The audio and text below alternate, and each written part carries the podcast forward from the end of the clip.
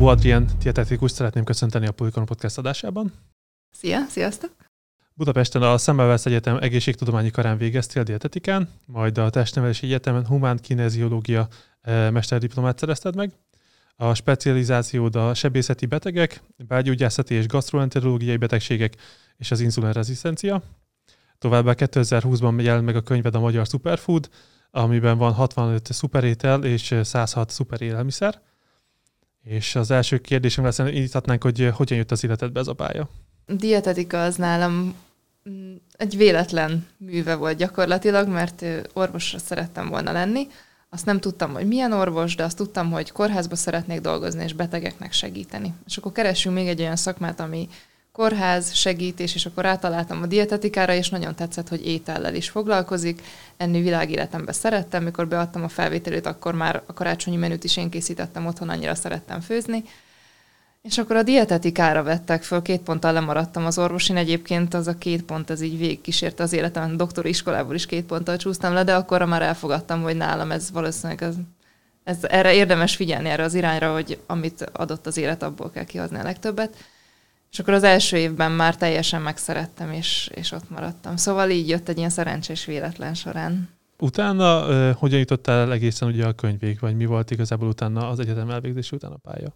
Én utána három évig egy egészségügyi piackutató cégnél dolgoztam, tehát bár kórházba akartam dolgozni, mivel száz betegenként ír elő a jogszabály egy dietetikust, azért nem kell szerintem jobban magyarázni, hogy nincsen sok hely állami kórházban. Itt az egészségügyi piackutató cégnél íróasztalnál dolgoztam, különböző kutatásokba vettem részt, interjúztam, terápia támogató programokhoz írtam kiadványokat különböző betegcsoportoknak, de az ugye ilyen elméleti volt, ott betegekkel csak közvetve találkoztam számítógép mögött ültem.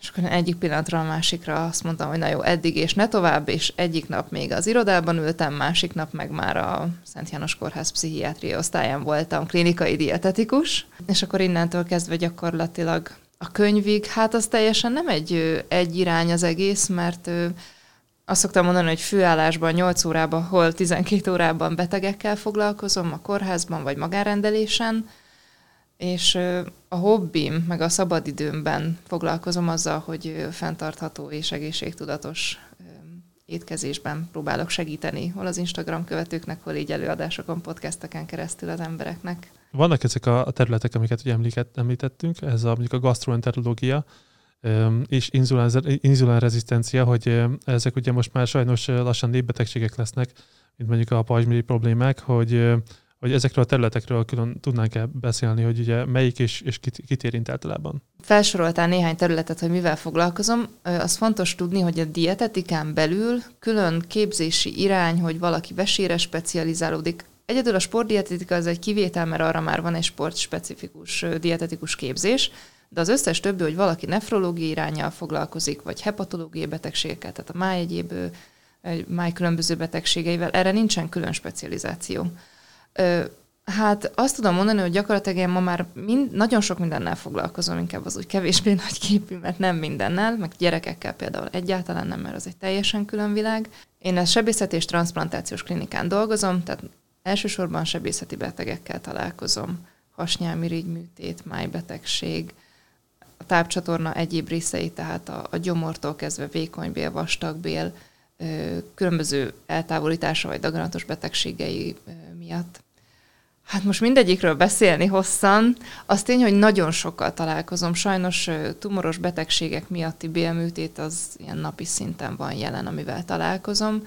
És nagyon fontos, hogy ott már ugye a sebészeti állapot miatt szükséges diétáról beszélünk elsősorban a betegekkel, tehát hogy ott már nem a megelőzés kap szerepet, ami nekem egyébként a szívem csücske lenne, meg hát az lenne a leghatékonyabb, ha így a dietetika és a hatékonyság vonatkozásában beszélünk. Májbeteggel is rengeteggel találkozom, mert ugye amikor valakinél jelentkezik egy elhízás, vagy egy mozgásszegény életmód, akkor ott a máj sajnos nagyon sokszor károsodik, ugye a zsírmáj fogalma az talán nem ismeretlen sajnos senkinek. Cukoranyagcsere zavarral is rendszeresen találkozom, mert amikor valakinek van egy májbetegsége, az sokszor társul valamilyen ö, ilyen vércukor problémával. Hát ez az inzulinrezisztencia, hogy ki lett emelve a bemutatóban, a diagnosztika javul folyamatosan, az emberek egyre jobban kutatják, hogy mi lehet a probléma, és ugye amikor hormonális problémáról beszélünk, ami például az inzulin elválasztás egyik zavara is egy hormonális probléma, az sosem önmagában működik, ezért az inzulinrezisztencia manifestálódik sokszor, tehát meg ugye szintén egy ismert fogalom, ezért gyakorlatilag mindenki keresi a, a választ, hogy mi lehet a problémám, valami diagnózist keresünk, és akkor ezzel is tényleg sokszor vannak nálam, de ez nem azért, mert én választottam, hanem sajnos annyira sokszor van jelen. Pajzsmirigy probléma szintén hasonló, amikor keresik, hogy mi lehet a, az elhízás vagy a, a fogyás tempójának a hátterében, akkor nem mindig holisztikusan nézik meg, hogy mi van magával az emberrel, hanem ráhúznak egy diagnózist, hogy pajzsmirigy probléma, akkor pajzsmirigy alulműködését kezeljük gyógyszerrel, diétával. Hát nem ez lenne a megfelelő módszer, de, de hogy ez történik manapság, igen. És ha már ugye említetted a, a megelőzést, hogy ilyen mondjuk bélben lévő tumorokat, meg ilyen, ilyen elég ilyen rosszul hangzó eseteket, ugye mivel lehet, vagy hogyan lehet szerinted leginkább elkerülni? Ez fontos, hogy az egészség, majd erről fogunk is szerintem még beszélni, hogy, ez, hogy az egészség nem egyenlő az étkezéssel, és a prevenciót sem lehet megvalósítani kizárólag az étkezéssel. Tehát amikor előfordul egy, egy tumoros betegség, akkor ott az egy nagyon sok tényezős dolog. Tehát sosem csak az étkezés. Szakbarbár lennék, és borzasztóan csőlátású, ha ezt mondanám.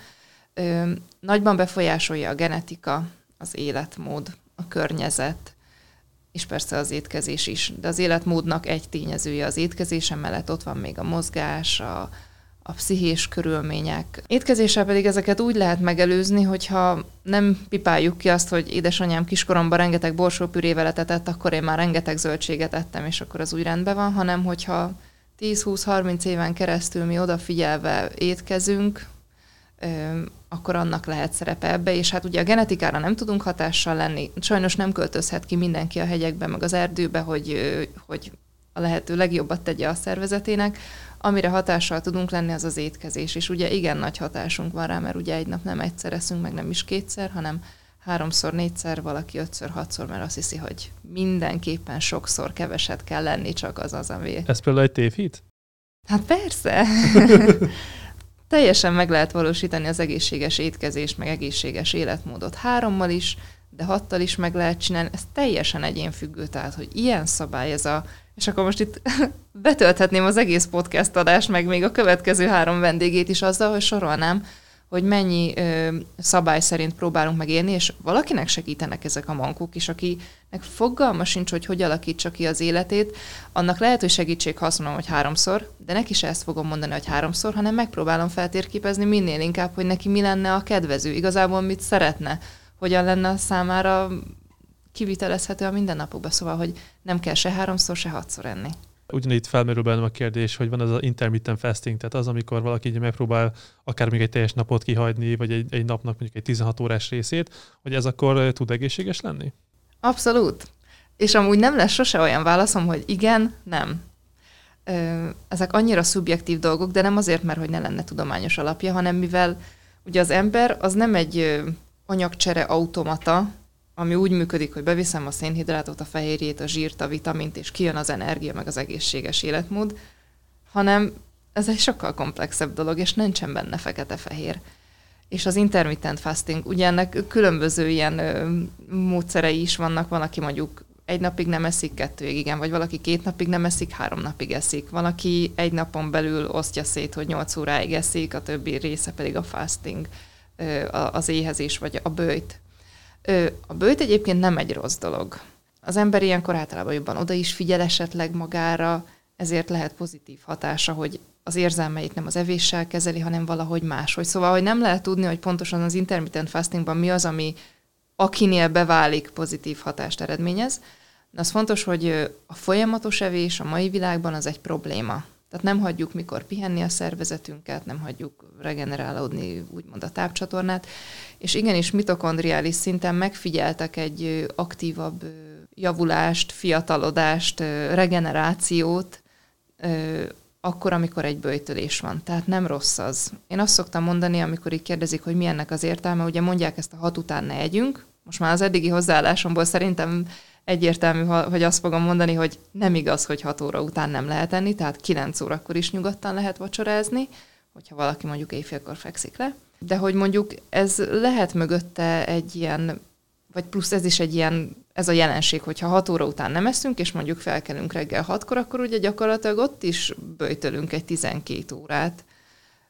Nincs ezzel baj, tehát nem kell éjjel-nappal lenni, az, az teljesen igaz. Tehát ennek van egy ilyen biokémiai háttere, hogy az intermittent fastingnak van értelme, de akinél nem válik be, nem az lesz a megoldás. Na, szóval hogy nem úgy van, hogy egészséges intermittent fasting, egészségtelen evés, hanem ne a valamilyen módszert hasonlítsuk össze a szélsőségekkel.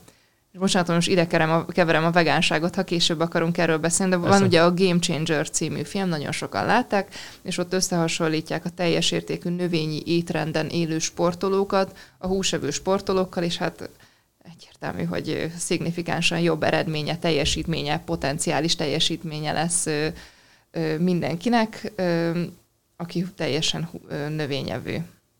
Csak hogy azt is a szélsőségesen húsfogyasztókkal hasonlítják össze, és nem a, a normális mértékletes, kiegyensúlyozott, amúgy növényi alapú húsfogyasztást hasonlítják össze a, a teljesen növényi étrenden élőkkel, szóval hogy ez a csúsztatás miatt kicsit szélsőséges javaslatok születnek ezekből a... Pillanatig csak ide a bőjtre, hogy eh, ez lehet-e abból adódó, hogy mondjuk egy kis babánál gondolom, ott, folyamat, ott, szükséges az, hogy folyamatosan ő kapjon eh, ugye, élelmiszert mondjuk x időn keresztül, és hogy ezt próbálják meg ugye későbbiekben is alkalmazni az emberek, vagy lehet, hogy innen jön ez a, ez a gondolkodásmód, vagy, vagy szerinted honnan, honnan ered az, hogy, eh, hogy még mai napig én találkoztam például olyan edzővel is, aki mondta, hogy igen, igen, nem tudom, hogy két-három óránként mindenképpen kellene legalább egy almát vagy valamit, hogy ez, ez a gondolkodás szerinted akkor honnan jön?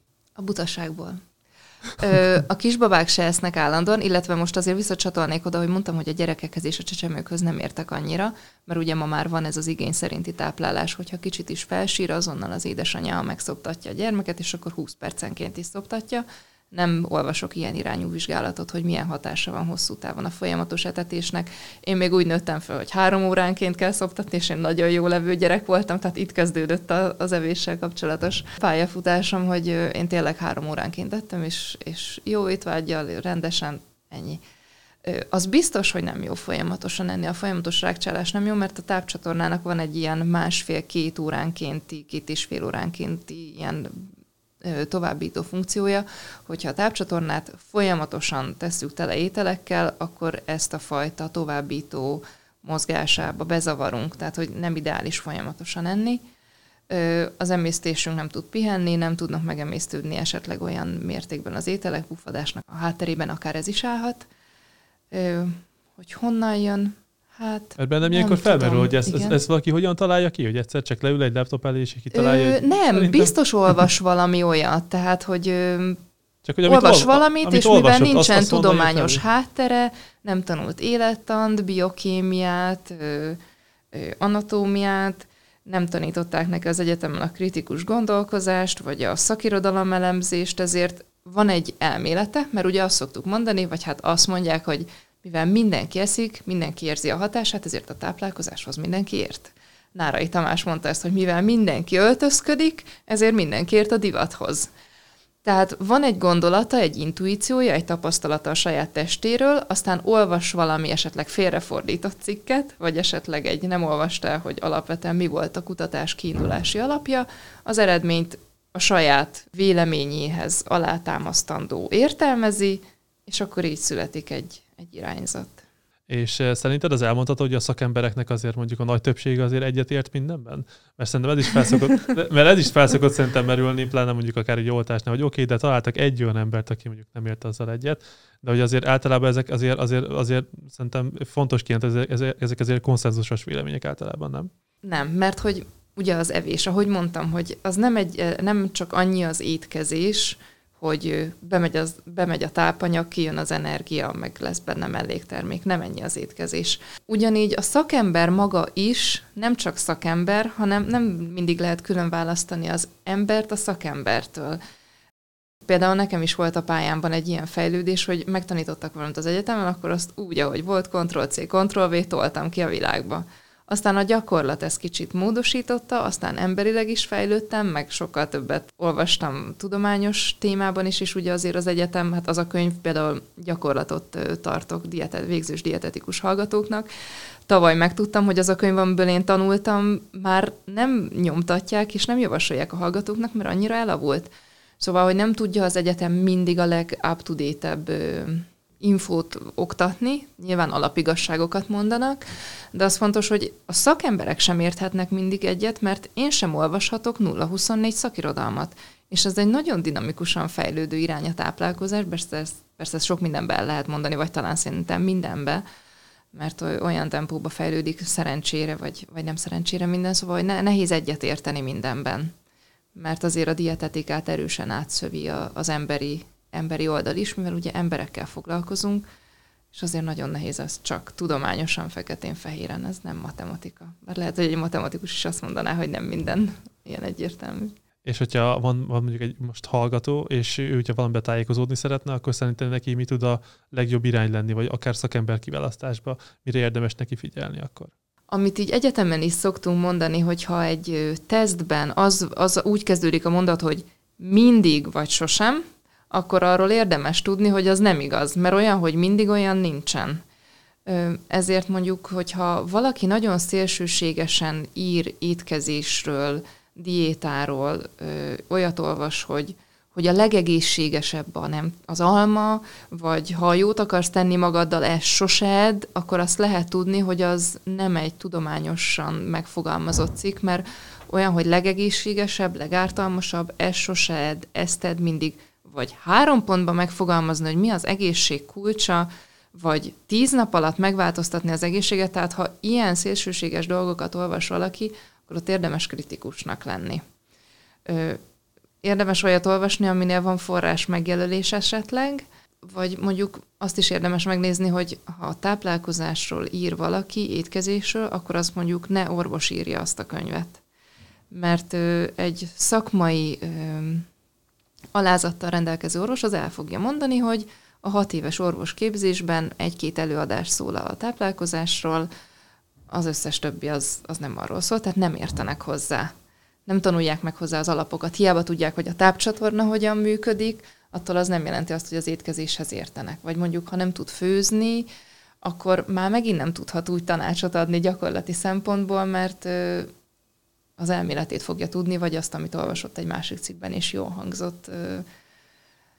Talán így ez, tehát hogy kritikusnak kell lenni egy kicsit. Szerintem ezek elképesztően jó tanácsok, mert tényleg amikor valami szélsőséges kijelentések vannak, még ilyen végletes kijelentések, akkor azt, azt feltételezhető, hogy az nagy valószínűséggel nem tudományos, tehát annak nincsen tudományos alapja. Meg hogy nem igaz. Tehát, hogyha még van is valami tudatosság vagy tudomány benne, az, az elmegy olyan irányba, hogy az a baj, hogy ezért nehéz dietetikusként népszerűnek lenni, vagy hangzatosnak lenni, mert mi nem fogunk olyat mondani, hogy megvan a fogyás kulcsa, egyél szénhidrát csökkentett kenyeret. Mert én nem fogok ezzel berobbanni, mert én azt fogom mondani, hogy a középút, meg a mértékletesség, meg mindent szabad enni, nincsen tiltott étel, és akkor ez nem olyan, amiben így bele lehet kapaszkodni gyorsan, hogy ah, megvan a gyors megoldás, nem kell figyelnem semmire, már csak arra, hogy a szénhidrát csökkentett kenyeret vegyem meg. Mert az ugye úgy hangzik, mintha az egy könnyebb megoldás lenne, hogy ja, megvan, zeller szár, préslevet kell innom minden reggel, akkor az könnyebb, mint elmenni a dietetikushoz mondjuk egyszer, kétszer, háromszor, egy órára odafigyelni, és azt mondani, hogy igen, lépésenként fogom megváltoztatni az életemet, mert hogy ez így alakul ki, szépen így tudom beilleszteni a változásokat az életembe, meg majd példát mutatni a gyerekemnek, egyszerűbb abba bele belekapaszkodni. Szóval, hogy azt mondani, hogy ez lesz a mankom, zellerlé. Szóval az összetettebb ezért ebbe az irányba kevesebben mennek el sajnos, vagy kevésbé hangzatos, ezért nem van látványos, és ma ugye a látványra megy sok minden. Igen, és szerinted akkor mennyire tud káros lenni ez a fajta, ilyen, olyan fajta akár diéták, olyan fajta megoldások, ami, amire tényleg ezt, ezt itt tökéletesen rá lehet húzni, hogy igen, tényleg csináld ezt a három dolgot, és akkor tökéletes lesz az életed. Mert, mert szerintem most, mostanában a diétában, ami ugye nagyon tud futni mondjuk a social médiában, ott mintha ez, ez, ez inkább előtörne, hogy tényleg néhány dolgot tartsál be, és utána minden szuper lesz. Hogy mennyire káros, azt nehéz ugye felmérni, mert ö, nem tudom, hogy kiben milyen lelki és testi károkat okoz, mert általában, ha valami egy diéta nagyon szélsőséges és megvalósíthatatlan, akkor nem csinálják sokáig az emberek. Többféle kárt is meg lehet határozni egy, egy rossz diéta kapcsán. Az egyik az lehet az, hogy azt hitte akkor az az olvasó vagy hallgató, hogy, hogy az egészség kulcsa az, hogy én avokádót tegyek minden reggel, pirítós kenyeret avokádóval, tükörtojással, és drágának tapasztalja esetleg egy idő után, vagy nehezen kivitelezhetőnek, vagy egy sikúnak, és akkor az lesz esetleg a konklúziója, hogy az egészségtudatos étkezés az drága, vagy unalmas, vagy nehezen kivitelezhető, ezért csalódik. Ezért utána nekem már kicsit nehezebb kopog, többször kell kopogtatnom azon az ajtón, hogy bejuthassak az információimmal, tehát lehet egy ilyen kár belőle, hogyha túl sok mindent kihagy belőle, tehát mondjuk tej meg gluténmentes lesz, akkor hosszú távon esetleg kevésbé változatosan étkezik, és akkor kialakul egy tápanyaghiány, bár azért azt elmondanám, hogy a szervezet annál szerencsére sokkal ellenállóbb, mint hogy egy néhány hónapos diétával tönkretegyük, de mondjuk aki meg ö, olyan diétát hirdet, hogy mindenféle étrendkiegészítőt javasol hozzá, annak lehet olyan kára, hogy valamilyen vitaminból túlzott mennyiséget bevisz valaki, és akkor nem tudom, mégiscsak kihullik a haja, vagy mégiscsak sokkal pattanásosabb lesz, mint tervezte, és ezt szerintem nagyon fontos kiemelni, hogy a, a kevés vitamin is tud igazából hiányt okozni, de a túl sok vitamin is tud problémát okozni.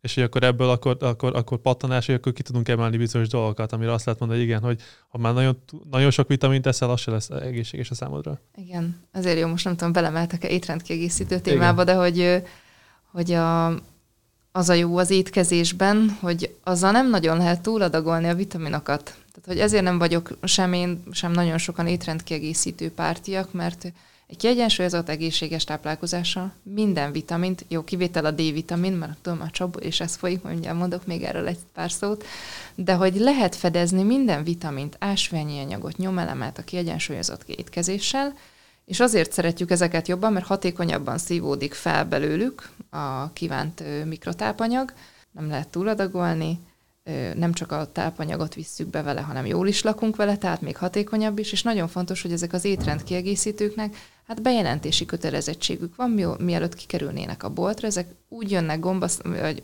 olyan számba jönnek, mint eső után a gombák, tehát hogy így naponta rengeteg új, új megjelenik a piacon, de ellenőrizni nem köteles őket semmilyen hatóság. Szúrópróba szerűen persze ellenőrzik, tehát jó esetben a nem használás mellett legalább nem ártanak. De azért ezeket túl lehet adagolni. Tehát, hogyha valaki folyamatosan gránátalma levet iszik, és mellette még különböző flavonoidokat szed, és közben folyamatosan jogázik és meditál, olyan mennyiségű antioxidáns visz az egyébként kiegyensúlyozott és nyugodt szervezetébe, hogy kialakul egy prooxidáció mert persze egy, egy bányász, azok mondjuk meg nem szednek ilyen antioxidánsokat, de hogyha egy nagyon erős környezeti ártalomnak kitett ember odafigyel arra, hogy jó sok antioxidánst bevigyen, mert a szervezet saját antioxidáns termelő folyamatait szeretné támogatni és erősíteni, ott az rendben van. De ha valaki egyébként nagyjából kiegyensúlyozott, és az az egyetlen stresszfaktora, hogy ugye elég egészségesen eszek, és ő még túl is tolja ezeket az étrendkiegészítőket, akkor ott már bizonyítottan kialakulhat káros hatás is, tehát van kontraindikáció, vagy például a dohányosoknál E-vitamin, C-vitamin túlzásba vinni, kifejezetten, most itt nem akarok kiezgetni senkit, de hogy, de hogy kifejezetten lehet ártalmas, tehát hogy vigyázni kell a mesterségesen előállított étrendkiegészítőkkel. Ugyanígy szerintem egy ilyen, nem tudom, hogy tévhit, hogy, hogy amikor valaki beteg, akkor van, hogy tényleg elképesztő mennyiségű C-vitamint szokott tenni. Hogy annak például az, az, az akkor nem igaz teljesen felesleges. A C-vitamin, mert ugye Magyarország, Szent Györgyi Albert, lokálpatrióták vagyunk, és full lojálisan toljuk a C-vitamint orba szájba. Nem kell.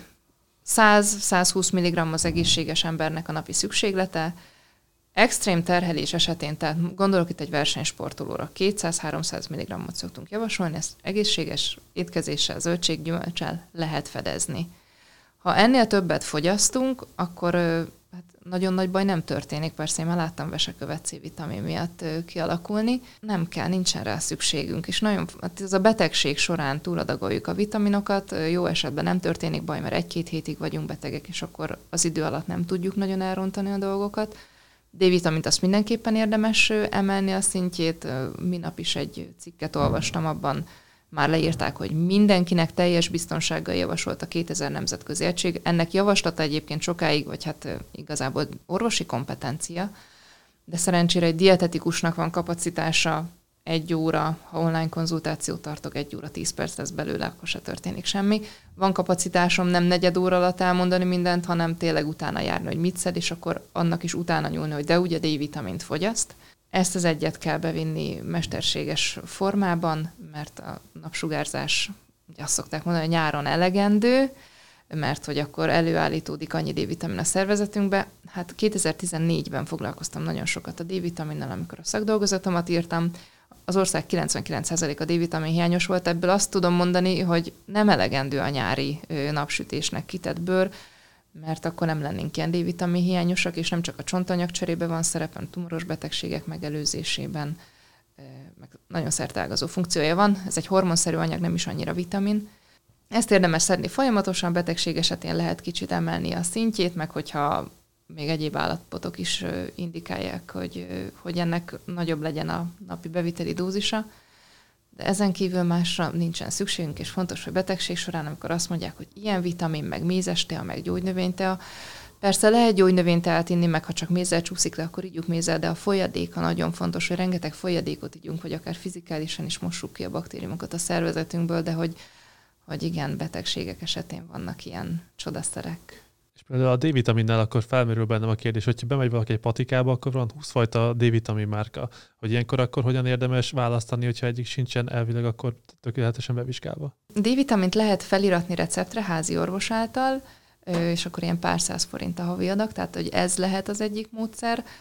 A másik meg azért a D-vitaminban nincs olyan nagyon nagy rizikó. Tehát, hogy ott gyakorlatilag azt mondanám, hogy válasszuk bátran a legolcsóbbat, mivel ez egy zsírban oldódó vitamin, arra figyeljünk, hogy ne reggel gyomorra vegyük be, mert a nyerővel nyugodtan a papírból kinyomhatjuk a kukába is, mert azért akkor nem szívódik fel. Tehát, hogyha eltelik a D-vitamin bevétel meg az étkezés között mondjuk egy óra, nem, nem olyan hatékony a felszívódás. Erre figyeljünk, meg arra, hogy esetleg aki rosszul alszik, ne este vegye be, mert van egy kis élénkítő hatása, de egyébként azért az elhanyagolható. És amikor zsírban oldódik, akkor ilyenkor konkrétan zsírosat kell lenni, vagy bármilyen étkezéssel az igazából működik?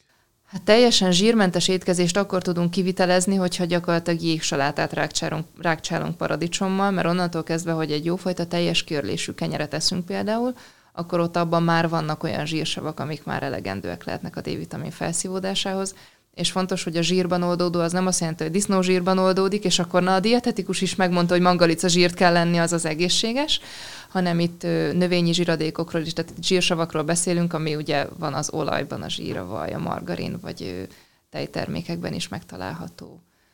Úgyhogy erre gondolok. Szuper.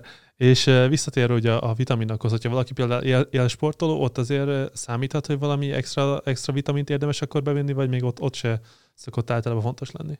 Élsportolókkal olyan nagyon sokat nem foglalkozom, de annyit tudok róluk, meg a, a testnevelési egyetemen humán kineziológiai képzés során volt azért erről a témáról szó. Onnantól kezdve, hogy a sportolónak nagyobb a kalória igénye, ezért mindenből többet fog enni.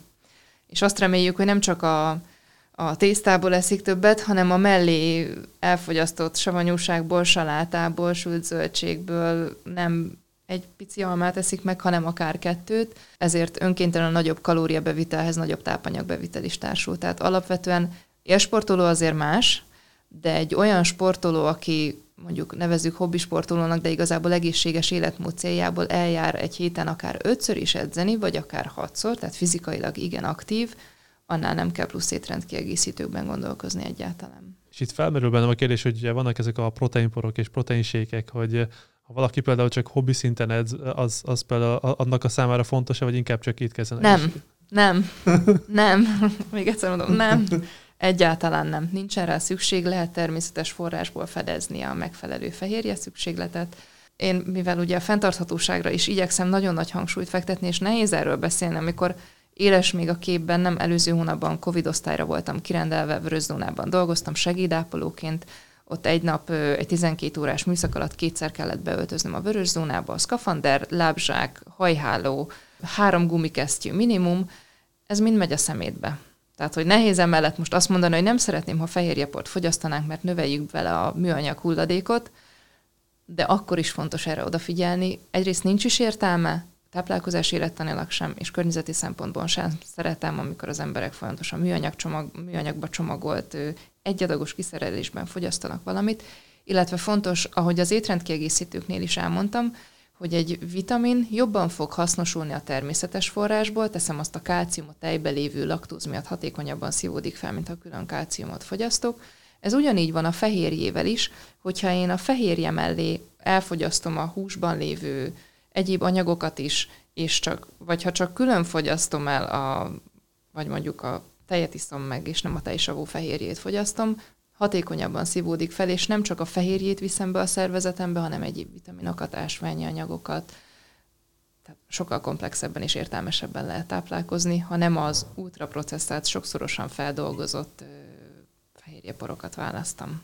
Illetve elkerülök egy csomó adalékanyagot is, ami még lehet bennük. Tehát amikor mondjuk valamilyen betegség specifikusan javaslok valamilyen tápszert, akkor kizárólag a betegek gyógyítására kifejlesztett tápszereket szoktam javasolni, és nem pedig az sport étrendkiegészítőket, mert azokban olyan ízanyagok vannak és egyéb dolgok, amiket, mivel ugye nem is vizsgálnak, volt már doping listán fönnakadt valamilyen fehérjepor, pedig azt gondolták, hogy nincsen feltüntetve rajta semmi, nincsen benne rizikó, de van.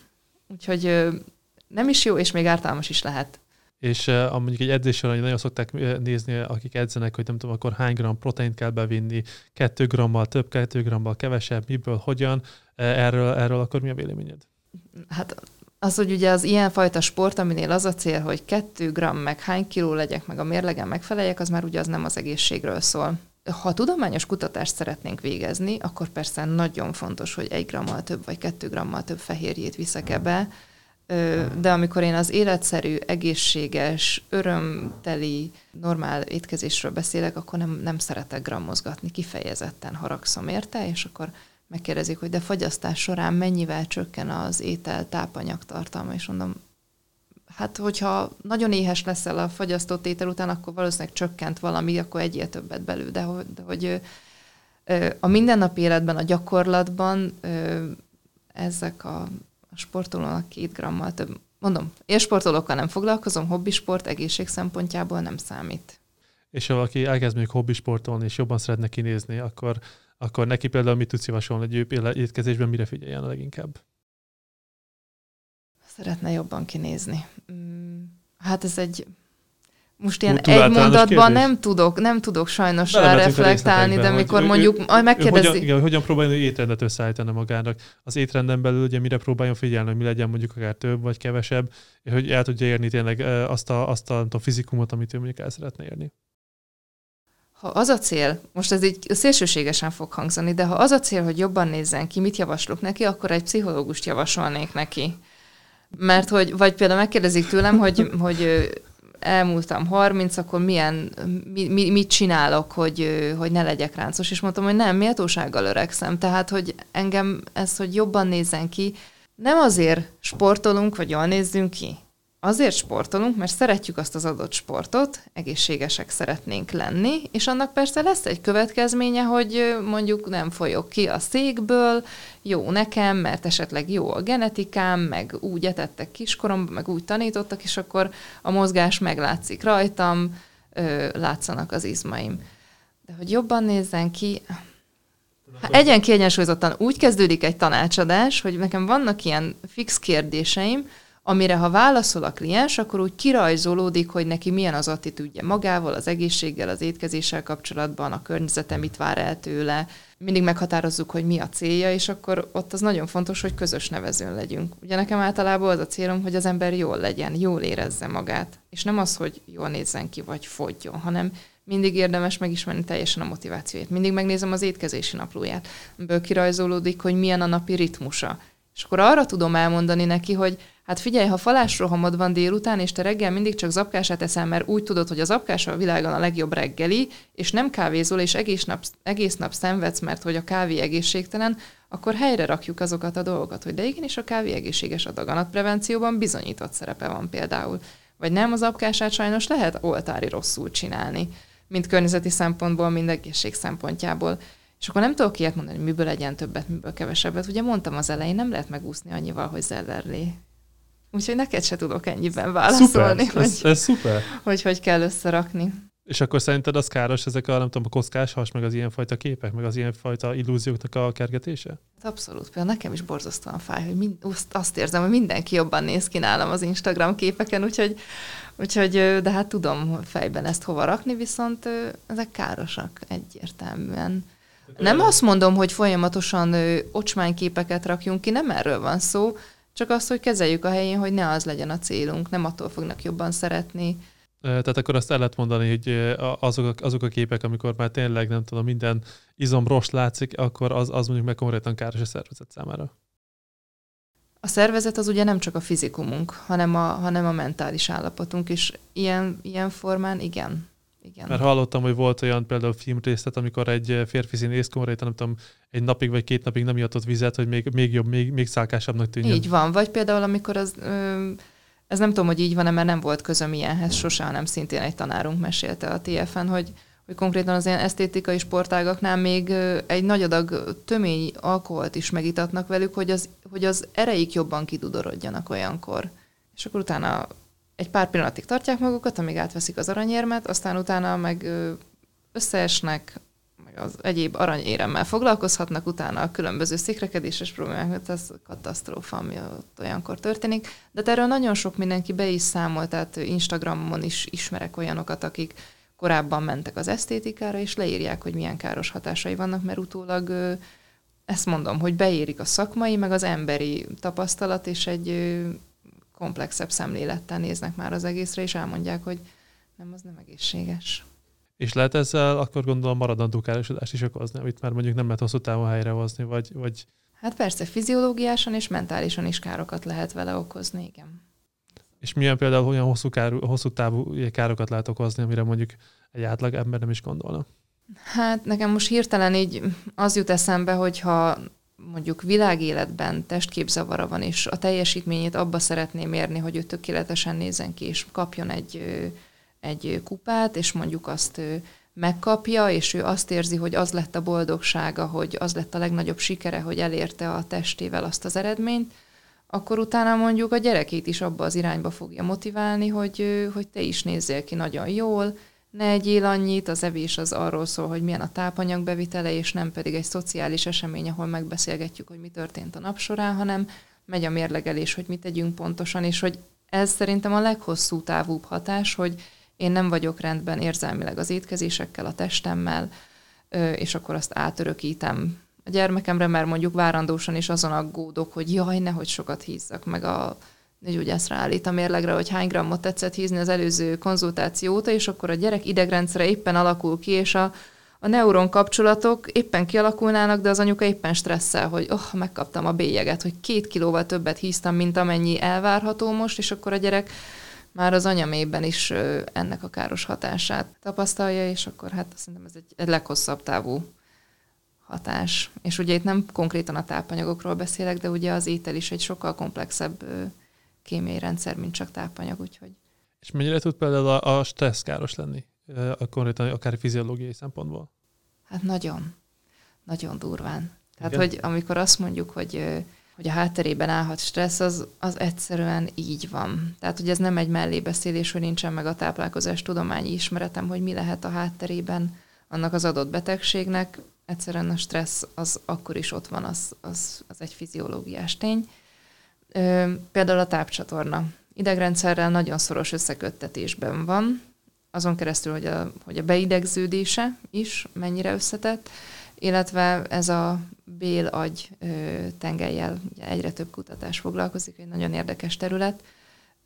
Konkrétan a, az agyműködésre hatással van a bélflóránknak az összetétel, ami ugye a vastag bélben, kis részben a vékony bélben található, körülbelül egy két kilós, egy felnőtt ember szervezetében egy két kilós massza, tehát a baktériumok, gombák, vírusok összessége, és hatással van az, hogy mit teszünk a bélflóránk összetételére, és az hatással van az agyműködésre.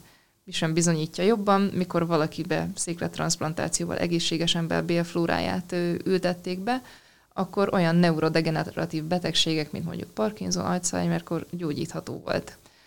Tehát, hogy nagyon erős összeköttetés van a stressz, a mentális állapotunk és a, a fiziológiás hogyan létünk, az emésztésünk szoros kapcsolatban áll, úgyhogy igen. Mert ezzel kapcsolatban kettő információt hallottam. Az egyik, hogy katonáknál figyelték meg, hogy amikor nagyon nagy a stressz, akkor tényleg megváltozik a belső baktériás ilyen flórája, és akkor olyan dolgok kezdenek el túlszaporodni, ami konkrétan akár, akár mérget termel a, a bél számára, hogy ez tényleg így van-e? Ez így, abszolút.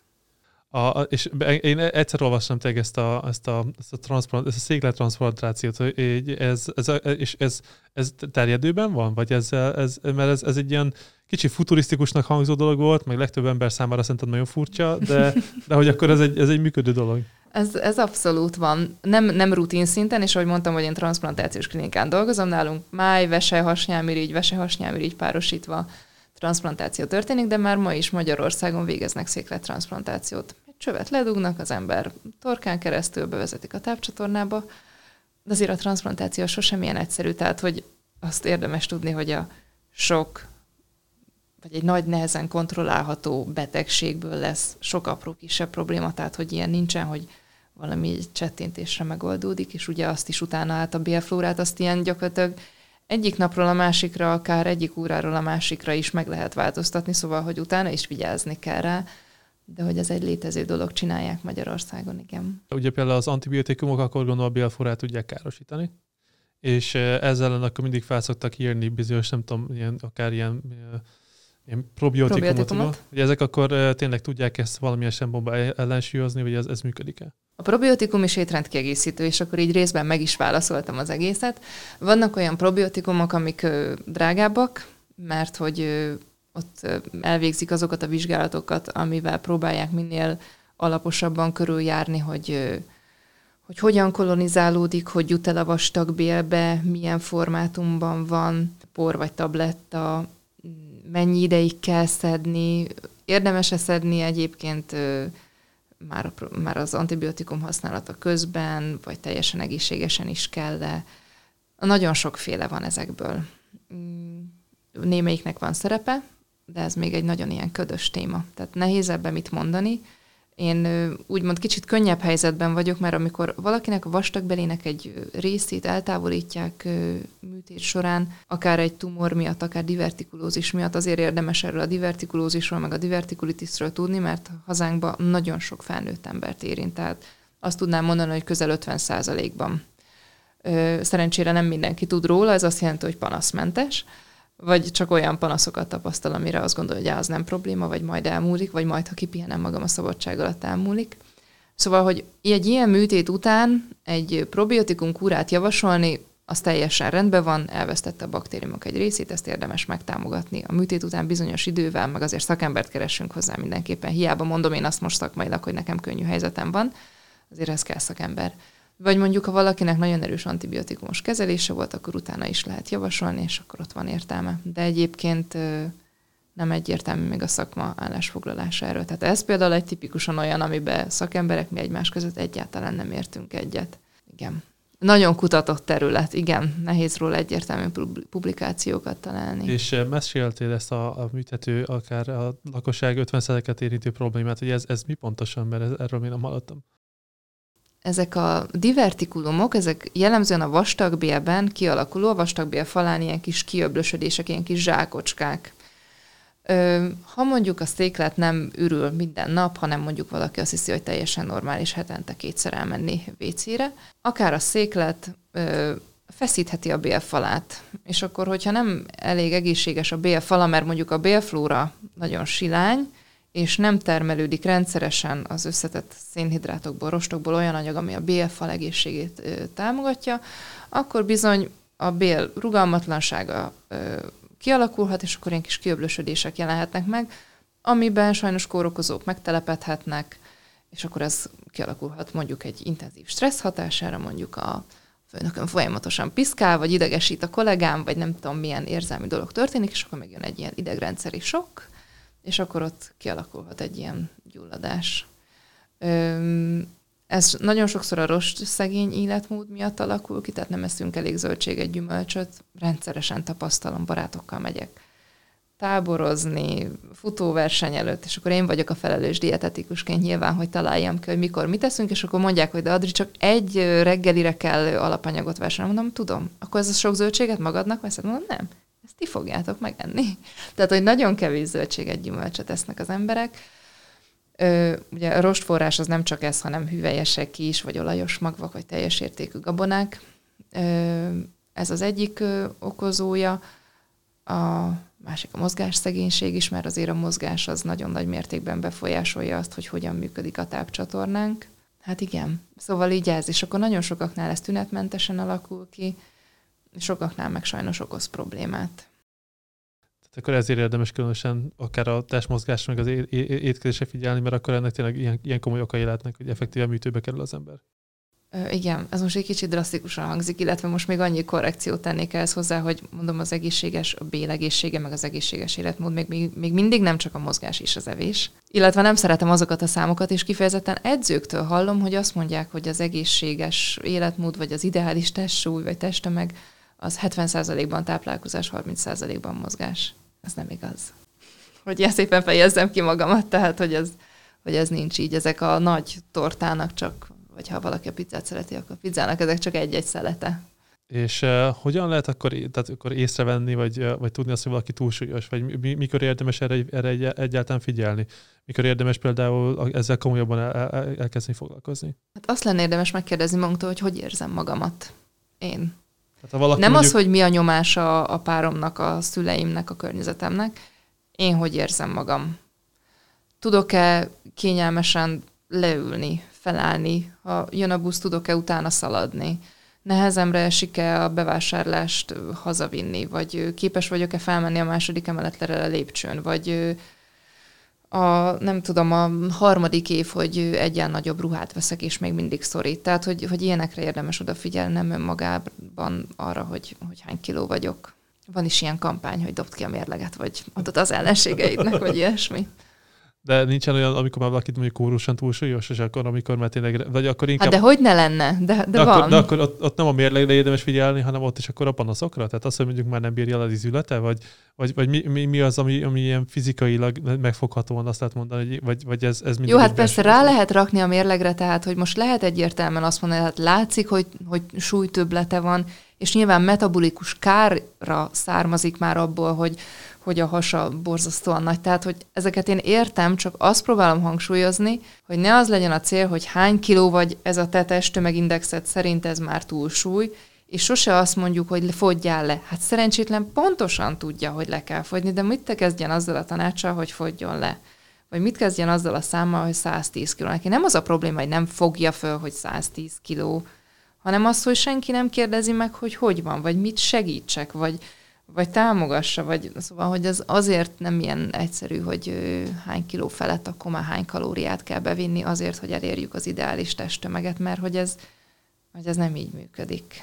És uh, ilyen diétából is uh, ugye van most már rengeteg ilyen paleo, van, uh, van katogén, uh, van ugye gluténmentes, uh, például a gluténmentességnél mennyire káros a glutén? A glutén? Igen. Semennyire. Hát ez egy, ez, ez is egy nagy divat.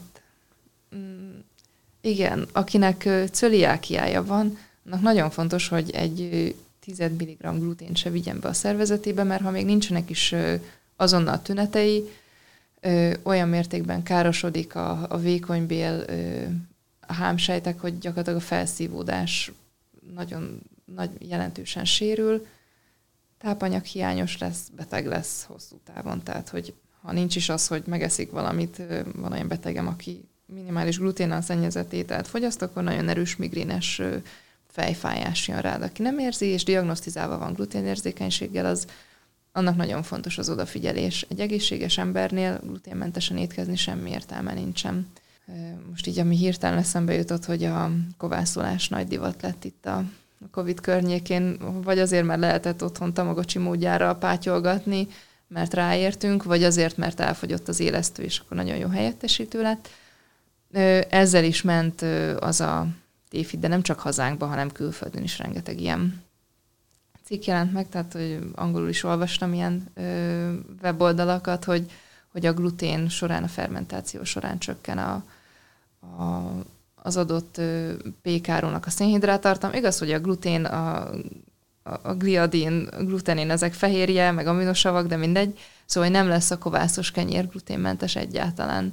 Nem is lennének olyan nagyon szép buborékok benne, ha maga a gluténháló nem alakulna ki. Nincsen semmi baj a glutén, na, ezt próbálom körbejárni valahogy, csak, csak nagyon nehéz. Tehát, hogy, hogyha most itt 50 évesen ülnék, akkor biztos, hogy sokkal higgadtabban tudnék reflektálni ezekre a mai felkapott dolgokra, mint például a paleo étrendre. Hát tipikusan a paleo csoport egy olyan, aki kitalálja, hogy a húsevés az kell, a gabona ártalmas, teljesen mindegy, hogy milyen torz, kutatás és milyen letális kombinációban találnak ki kutatási körülményeket vagy vizsgálati helyzeteket, ami az eredmény, az alátámaszt, azzal alátámasztják a saját elméletüket, de teljesen szakmaiatlan dolgok szoktak kijönni az ilyen, ilyen csoportoknál jó tanácsként. És a, aki például ugye egy vegán vagy ketogén, az, az, az, az arról mi, mi az általános vélekedésed? Hát a vegán meg a ketogén ugye az teljesen más. Igen, fontos, igen. hogy a ketogén az hosszú távon, ennek a hatásait még nem tudjuk.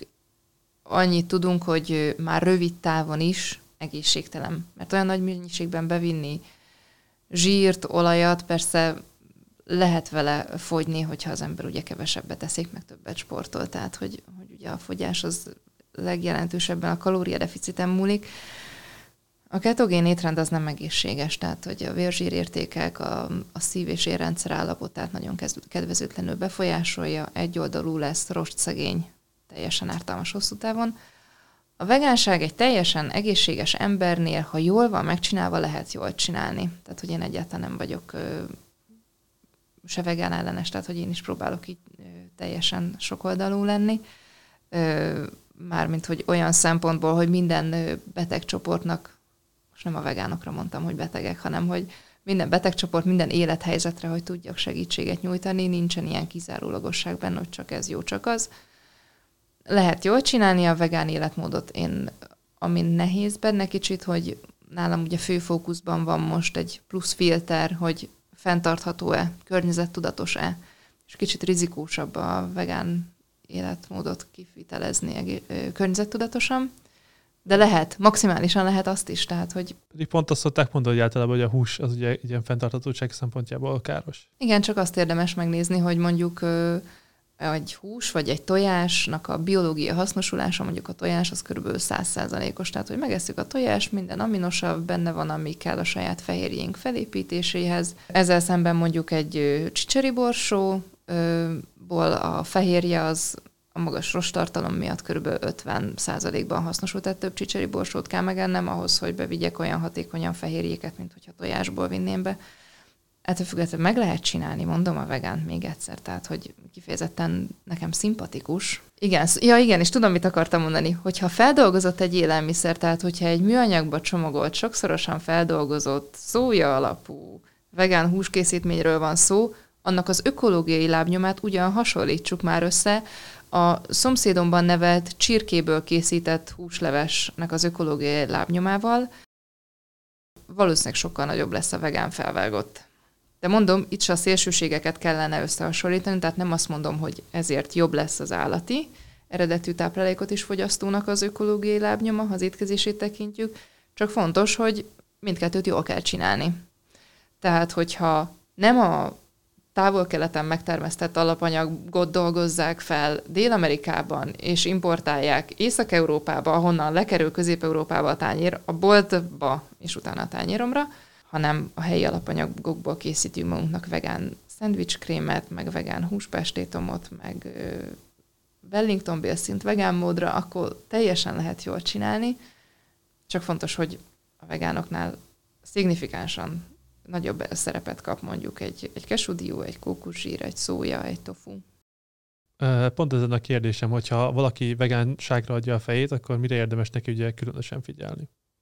Mert hallottam olyat, aki... És megint azt várod, hogy egy mondatban mondjak valamit, azt érzem.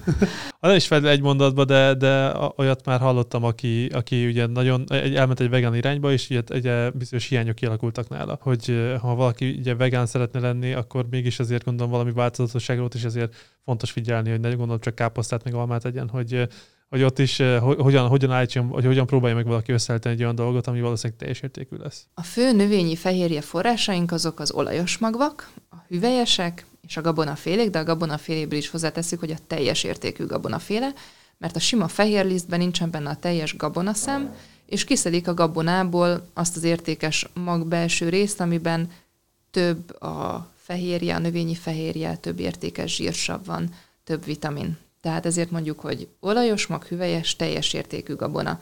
Tehát nem a hajdina liszt, hanem maga a hajdina. Nem a puffasztott köles, bár abban benne van az egészem kölesztem nagyjából, de hogy minél inkább a feldolgozatlan gabona.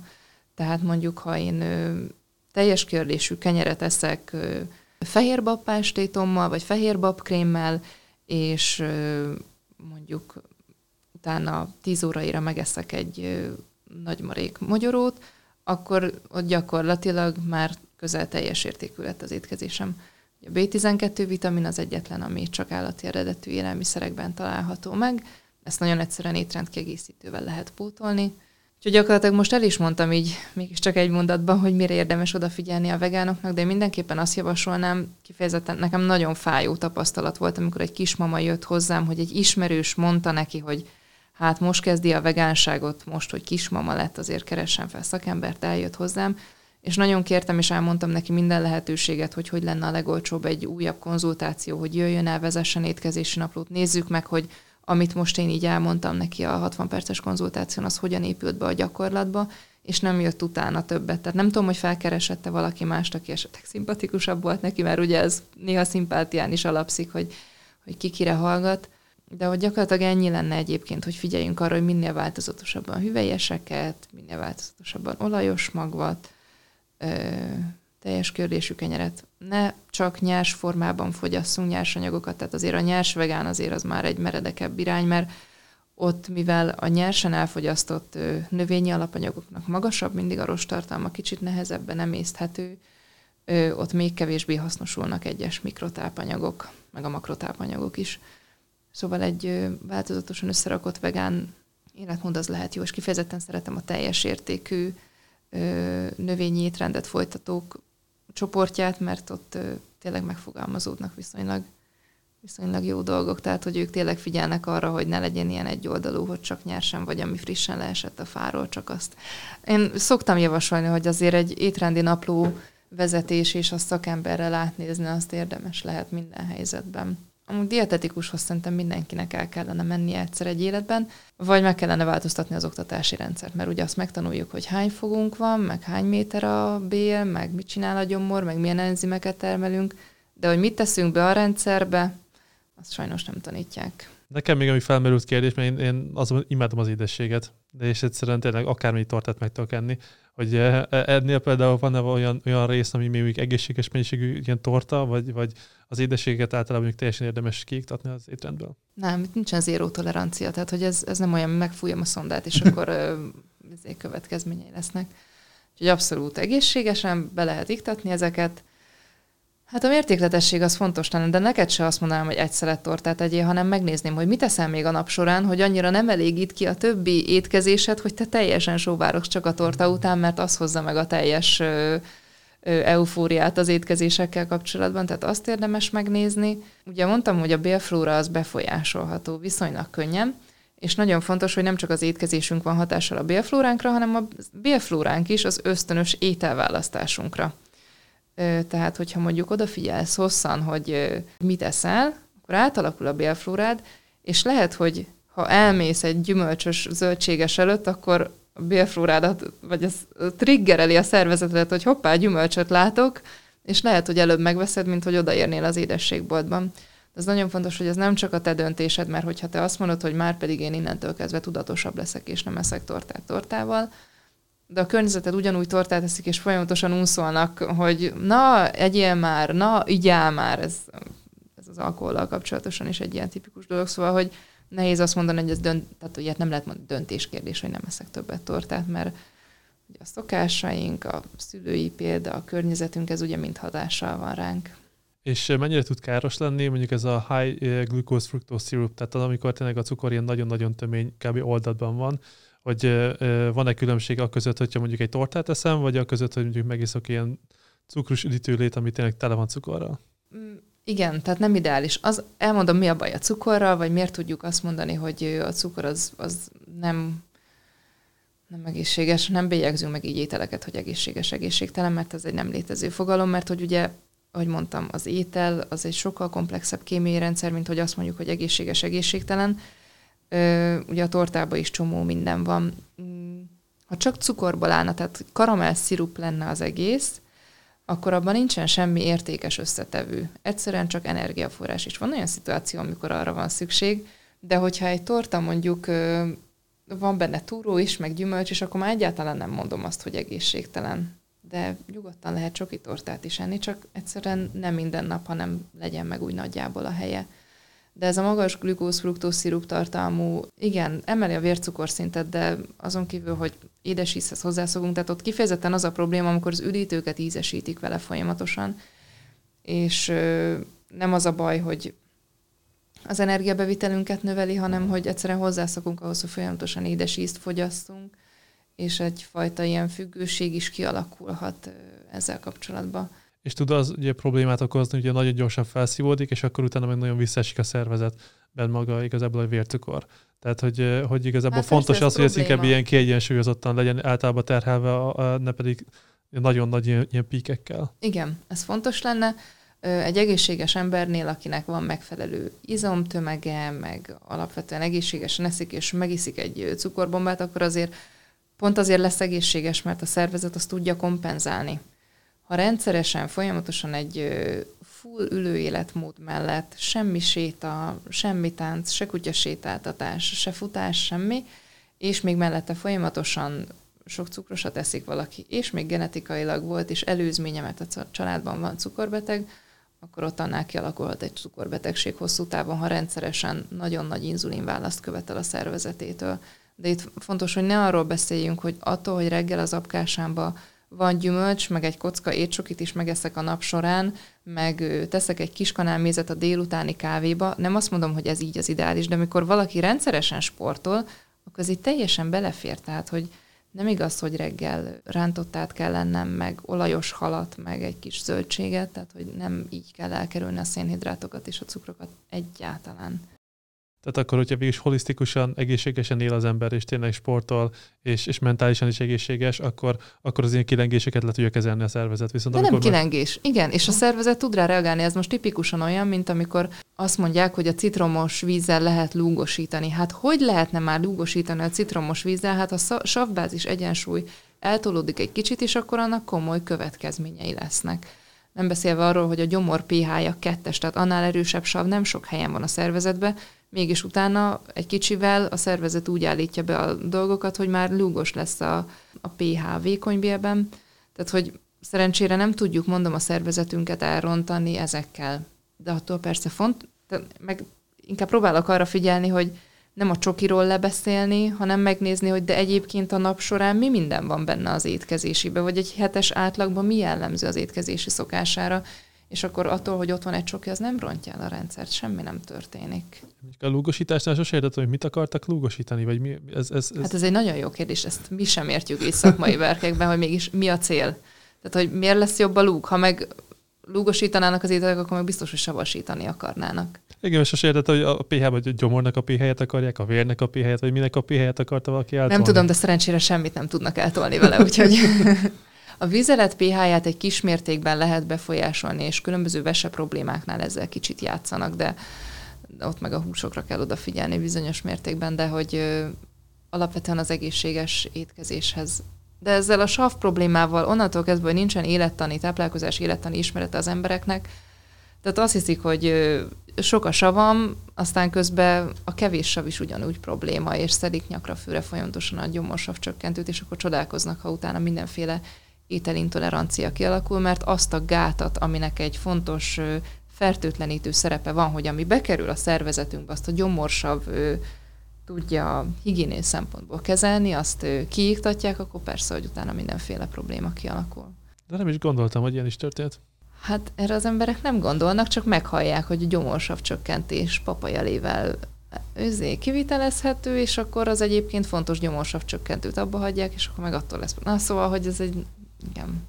És mennyire fordul elő a praxisban, hogy valaki a Google-on olvas valamit, bejön hozzád, és akkor azt mondja, hogy ő, ő, ő szerint ezt így kéne csinálni? Hogy, hát sokszor. Hát nagyon sokszor, hogy ezt hallottam, és az igazán. Úgyhogy amikor engem elhívnak előadni valahova, akkor így mindig felmérem, hogy kik, hány évesek, hányan lesznek interaktív, elméleti, mi a cél, mi az aktuális helyzet, és akkor így, amikor csak lehet, akkor így vezérfonalként a tények, tévhitek húzom föl így az előadást, mert hogy nagyon fontos ezekre reflektálni, hogy az, hogy az igaz, hogy igaz, miért nem igaz, mert hiába mondom én el, hogy hogy kellene enni reggelit, ebédet, vacsorát, hogyan nézzen ki gyakorlati, gyakorlati szempontból egy nap, ha kimegy az előadás, és bum, jön, édes burgonyát egyél, mert a cukorbetegek azt fogyaszthatják. Tehát, hogy ezeket fel kell készíteni az embereket, hogy ez nem igaz, ez nem igaz, ez, ez tévhit, ez ezért nem igaz, ez azért Mik a, mik a leg, leggyakoribb, a leg, vagy a legnagyobb tévhitek?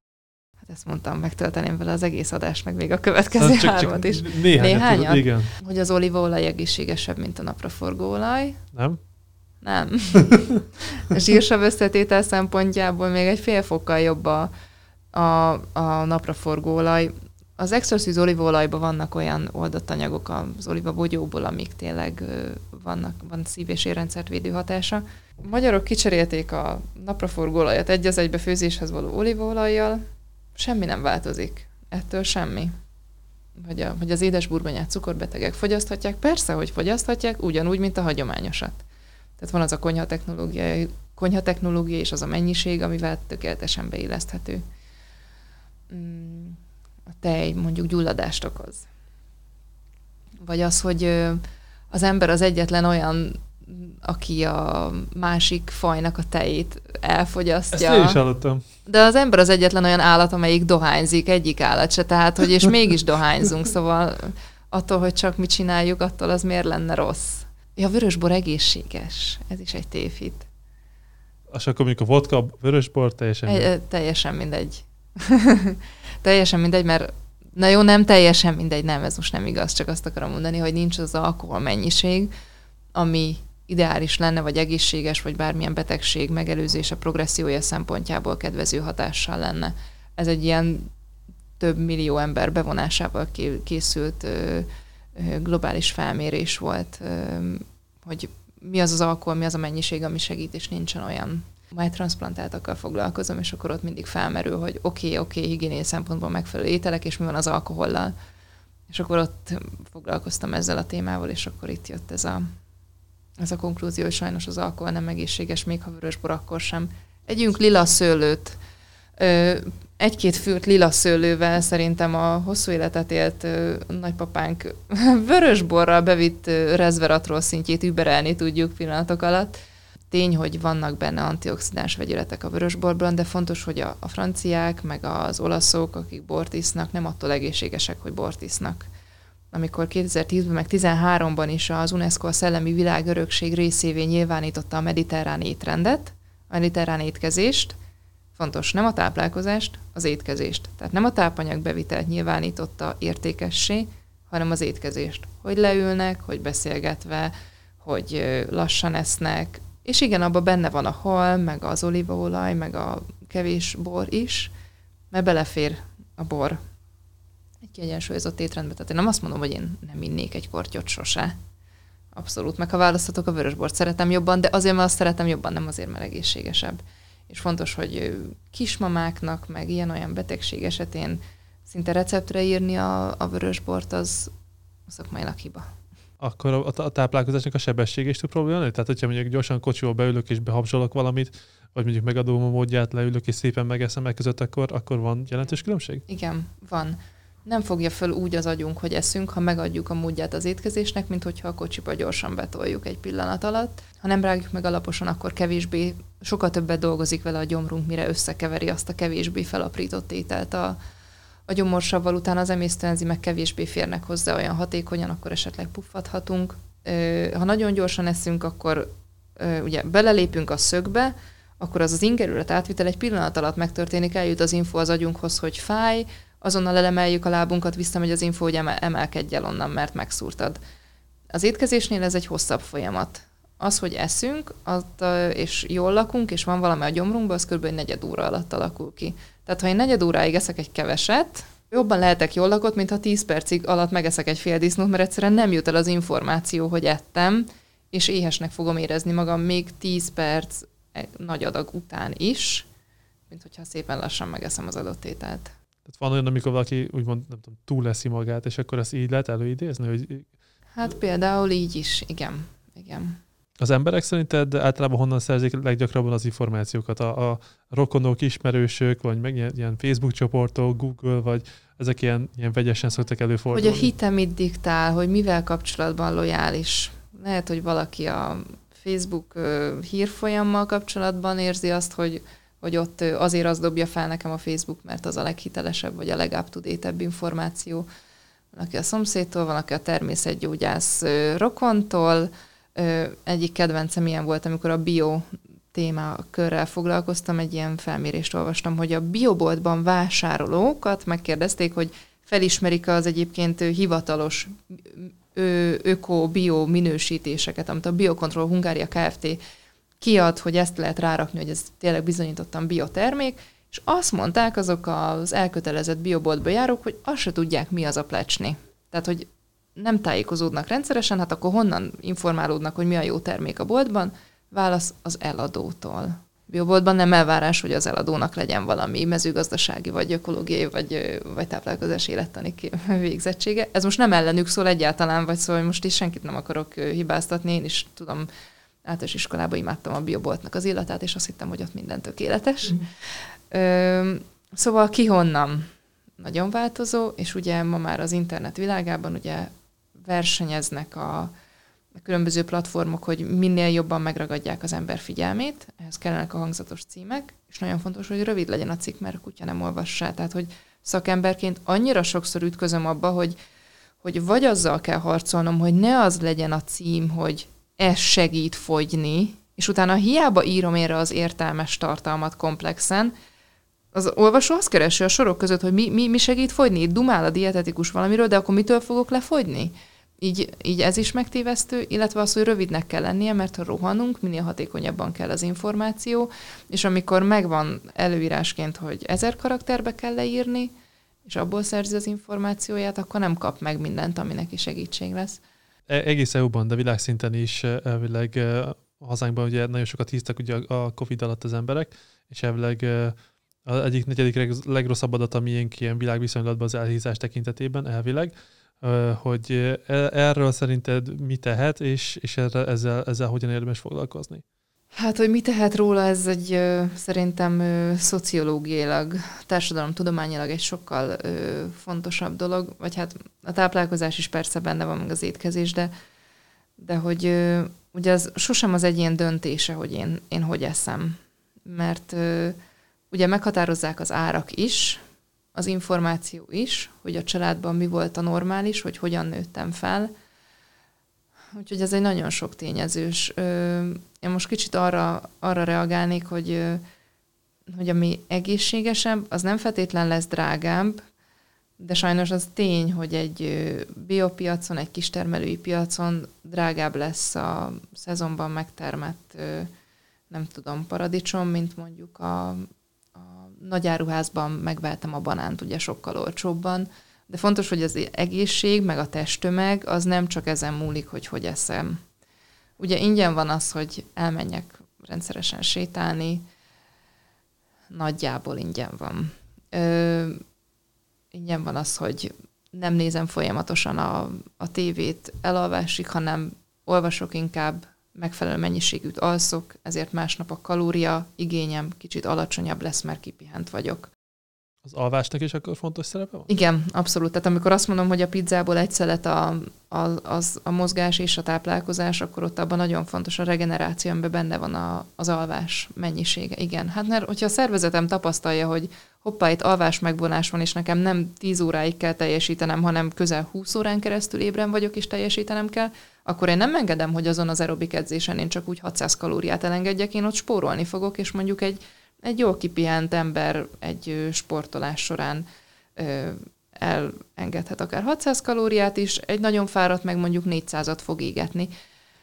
De fontos, hogy ne azért aludjunk, hogy utána több kalóriát égessünk a sportolásra, hanem azért, hogy élvezzük azt a sportot, és ne legyen sportsérülésünk, mert mondjuk hullafáradtan akarunk menni kalóriát égetni az aerobikra, amit egyébként esetleg rühellünk, mert idegesít az edző, meg a zene, meg a többiek, meg hogy a tükörben nézi mindenki, hogy én mit bénázok ott hátul, és még a bokámat is kitöröm, hogy lépek fel a steppadra fáradtan, szóval ne azért aludjunk, hogy utána karcsúbbak legyünk. Az utolsó, mert nagyobb téma az meg a fenntarthatóság a táplálkozásban. és uh, ugye 2020-ban ki is jött a, a könyved, ami, ami jól látom itt is van, Igen. És ugye ennek a neve a magyar superfood, hogy mit is nevezünk superfoodnak, és, és mitől lesz ami superfood?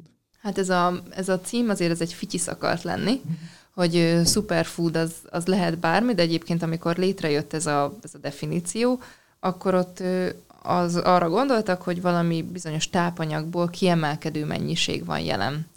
Tehát mondjuk ennek magasabb a C-vitamin tartalma, ezért ezt emeljük ki a többi gyümölcs közül, ezért ezt nevezzük superfoodnak.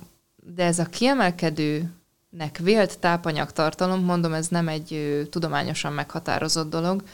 Laikusok hozták létre ezt a, ezt a fogalomkört marketing célra, hogy valami jobban eladható legyen. Tehát ez egyáltalán nem egy tudományos dolog. Volt olyan dietetikus, aki meg is fogalmazta, hogy te jó ég, az Adri ilyen könyvet adott ki, hát már az Adri is el, izé, elment ilyen irányba, és akkor ha valaki belenéz, akkor láthatja, hogy ez pont arról szól, hogy a legolcsóbb főzőtök is lehet superfood. Sajnos sokszor veszélyes ez az egész superfood hajhászat, mert bizonyos dolgokat kiemelnek valami kárára.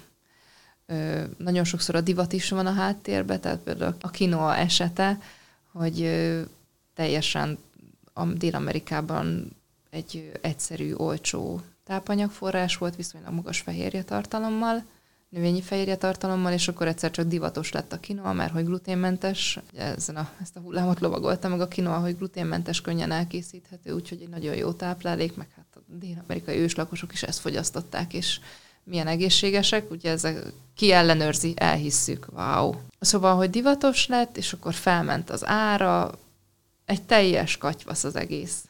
És erről szól a könyv, hogy, hogy ne emeljünk ki semmit, hanem együnk minél színesebben, ugye ezért is lett ilyen nagyon színes a borító, hogy, hogy ez legyen a lényeg, hogy minél változatosabb legyen. És ne emeljünk ki valamit piedesztára, mert egyrészt nincs is feltétlen értelme, másrészt miért ne kellene sárgarépát enni, abban is benne vannak nagyon jó színanyagok. Ugyanilyen kérdés szerintem, hogy, hogy még ugye a, a zöldség és a gyümölcs ugye fontos, viszont télen ugye ebből, ebből általában ugye kevesebb van, és télen mit tudsz ajánlani, így akkor, akkor mit érdemes ezzel kezdeni? Direkt beraktam a könyvjelzőt oh. ide a, a könyvhöz, ehhez az oldalhoz, és az az érdekes, hogy ebben a listában, hogy mi kapható, vagy mi terem meg télen, meg nyáron, télen valóban kicsit kevesebb az, ami frissen terem, viszont abban az oszlopban, ahol mi az, ami jól tárolható, ezért fogyaszthatjuk télen, az sokkal nagyobb, nagyobb helyet foglal el. Mert télen szoktam hangsúlyozni, hogy nem feltétlen nyáron kell folyamatosan lencsefőzeléket enni, meg, meg olajos magvakat, meg gumósokat, mert azok nagyon jól eltárolhatók, és télen együnk inkább babot, lencsét, az olajos magvakat ilyenkor akár lehet minden nap is fogyasztani, egy kis zárt maroknyit elrákcsálni, a mogyoró, a mandula, a dió, a mák, tök mag, a napraforgó mag, és akkor, hogy szervesen a zöldség gyümölcsre válaszoljak, káposztafélék télen nagyon ö, nagy számban vannak jelen, és ugye káposzta az nem csak a fehér káposzta, meg a savanyú káposzta, meg a vörös káposzta, hanem ide tartozik a karfiol, a brokkoli, a kelbimbó, különböző salátafélék is megtalálhatók télen, a cikória, a kínai kell, fodros kell, nekem az most az ilyen nagy favorit, ilyen egy-két perc alatt egy pici olajon, de tényleg ilyen kis kanálnyi olajon, három-négy fodros kell levelet megpirítva, olyan jó illata lesz, meg olyan íze, egy csipet sóval semmi fog meg semmi, hanem nagyon jó íze lesz. Szóval a káposztafélék, a gumósok, édes krumpli, a hagyományos krumpli, a cékla, abba is többféle színű, a hagymafélék, retek, abból is nem csak a hónapos retek, hanem a fekete retek, a jégcsapretek, gyümölcsök közül az alma, a körte, a bírsalma. Bírsalma ilyen néhány pillanat, elkészíthet, pillanat alatt elkészíthető, akár zapkásához, akár édességként a héját is rajta hagyhatjuk nyugodtan. A naspolya, a datolja szilva, és fontos, hogy van olyan mediterrán gyümölcsökből, mint a kivi meg a citrom, azokból van ilyenkor hazai, nagyon sok piacon megtalálható. Nagyon, fi, nagyon finom a magyar kivi. Zalaegersze környékén Becsehelyen termesztik a legtöbb kivit Magyarországon. Kisebb lesz, és sokkal édesebb. Tehát amikor valaki azt mondja, nem szereti a kivit, mert csípja a nyelvét, akkor a hazai kivit érdemes kipróbálni. Citromot azt Magyarországon Lajos Mizsén termesztenek legtöbbet, és ráadásul gyakorlatilag biokörülmények között, mert darazsak vannak bent kártevő írtásra, meg gazalásra, gyomírtásra, csirkék kapirgálnak a citromültetvényen, úgyhogy, Úgyhogy van ilyenkor is bőven gyümölcs. Szilva, szőlő még, még szintén jelen van azért. Tehát akkor ezzel az a fontos, hogy mindig éppen olyan élelmiszer próbáljunk enni, ami éppen aktuális. Tehát ne, ne, ne akkor nem tudom, gondolom dél-amerikai szőlőt, vagy, vagy ilyen, ilyen, ilyen, ilyen... Vagy, a, vagy a spanyol málnát, mert hogy lesz majd málna nem soká, érdemes kitartani. Én azért szeretem hangsúlyozni a szezonalitást, mert ezzel sokkal jobban elérhető egyfajta változatosság. Mert ha egész évben ott lenne a málna, mint ahogy egyébként nálam van, egész évben a kedvenc gyümölcsöm, tehát hogy én teszek el szezonjában a pöttömfogyasztóm, az nekem málnával van tele, mert hogy nagyon szeretem, de hogyha egész évben lenne málna, akkor eszembe nem jutna tavasszal rebarborát enni, nyáron odafigyelni, hogy most pedig a mákos ételben nem citromot teszek, mert citrom majd később lesz most a savanykás íz érdekében ribizlit teszek bele, ősszel az apkásámra én még, én akkor nem, hát bár a fügét is nagyon-nagyon szeretem, de hogy akkor ősszel télen nem fügét meg naspaját tennék az apkásámra, hanem akkor is málnát. Gyakorlatilag, ha nem venném, nem tartanám tiszteletbe a környezetnek ezt a fajta sokszínűségét, magammal tolnék ki, mert nem mennék elég változatosan. Tehát, hogy ezt érdemes nem korlátként megélni, hanem lehetőségként. Mert ha az egészséges táplálkozás, meg a környezettudatos táplálkozás egyfajta görcsként, meg teherként jelenik meg, akkor ez rossz irányba haladunk, mert nem az a célja, hogy mi szenvedjünk, hanem pont az a lényeg, hogy fedezzük fel, hogy ebben mennyi lehetőség van, meg élmény. És ha most ezt még görcsnek éljük meg, akkor majd később megugorjuk ezt a lépést. De hogy az a lényege, hogy egészségesek legyünk, és ahogy már beszéltünk róla, a testi egészség nem érhető el úgy, hogyha stresszelünk, mert a stressznek káros hatása van, úgyhogy kontraproduktív lesz a törekvésünk, hogy egészség meg környezettudatosak legyünk. Úgyhogy a szezonalitás egy nagyon, nagyon jó dolog, igen. Meg hát a szezonban helyben megtermelt terménynek egyébként a, a vitaminás ványanyag tartalma is általában jobb szokott lenni, úgyhogy már csak ezért is jobbat teszünk magunkkal, ha helyet, helyit meg a szezonálisat keressük. Mik a, mik a jövőbeni tervek, várhatóak-e új könyvek, vagy mit várhatnak tőled? Hát rengeteg ötletem van egyébként. Ö, így, hogy 8 órát dolgozom a klinikán, azért ez eléggé leköti a, az időm jelentős részét. Vannak könyvötleteim, abszolút. Hát konkrétan kettő könyvnek a piszkozata csücsül a Google Drive-omon. Egyrészt, ami, ami ebből kimaradt, meg hát mindig valami új betegség, a Covid is hozott új betegséget, amivel így dietetikusként érdemes lenne foglalkozni, például az a hisztamin intolerancia, ami nekem így eszembe is jutott, amikor itt a beszélgetés előtt meséltél egy saját állapotról, itt egy ilyen ordugulás kapcsán. Nagyon nyitott vagyok, tehát, hogy így mindenben látok valami új lehetőséget, mindig látok valami olyan problémát, amire érdekes lenne dietetikusként reflektálni, tanácsadásokban is jobban fókuszálni prevencióra. Úgyhogy nagyon sok lehetőség van, amikor dietetikus hallgató ír nekem Instagramon, hogy javaslom ezt a szakmát, el lehet-e vele helyezkedni, meg lehet-e élni belőle, akkor így dietetikusnak áll a világ gyakorlatilag. Az utolsó kérdés meg az lenne, hogy, hogy akár a téged hogyan lehet igazából követni, vagy hogyan tudnak megtalálni a hallgatók? Hát Instagramon például dietetikus néven, e-mailben, van magárendelőm, Budapesten az Iparművészeti Múzeum mellett a Samber Medical, hogy ezeken a helyeken transplantációs és sebészeti klinikán, de remélem ott nem találkozom senkivel sem. Van már elég beteg sajnos. Instagram az a legpublikusabb általában, vagy az, ami legkönnyebben elérhető. Nem. Szabó Adrián, nagyon-nagyon szépen köszönöm, hogy elfogadod a meghívásunkat. Én is köszönöm, nagyon örültem. Amennyiben tetszett ez az adás, akkor kövessetek minket YouTube-on, Facebookon, Instagramon, Spotify-on, Apple Podcast-en vagy Google Podcast-en. A következő adásig még a viszonthallásra.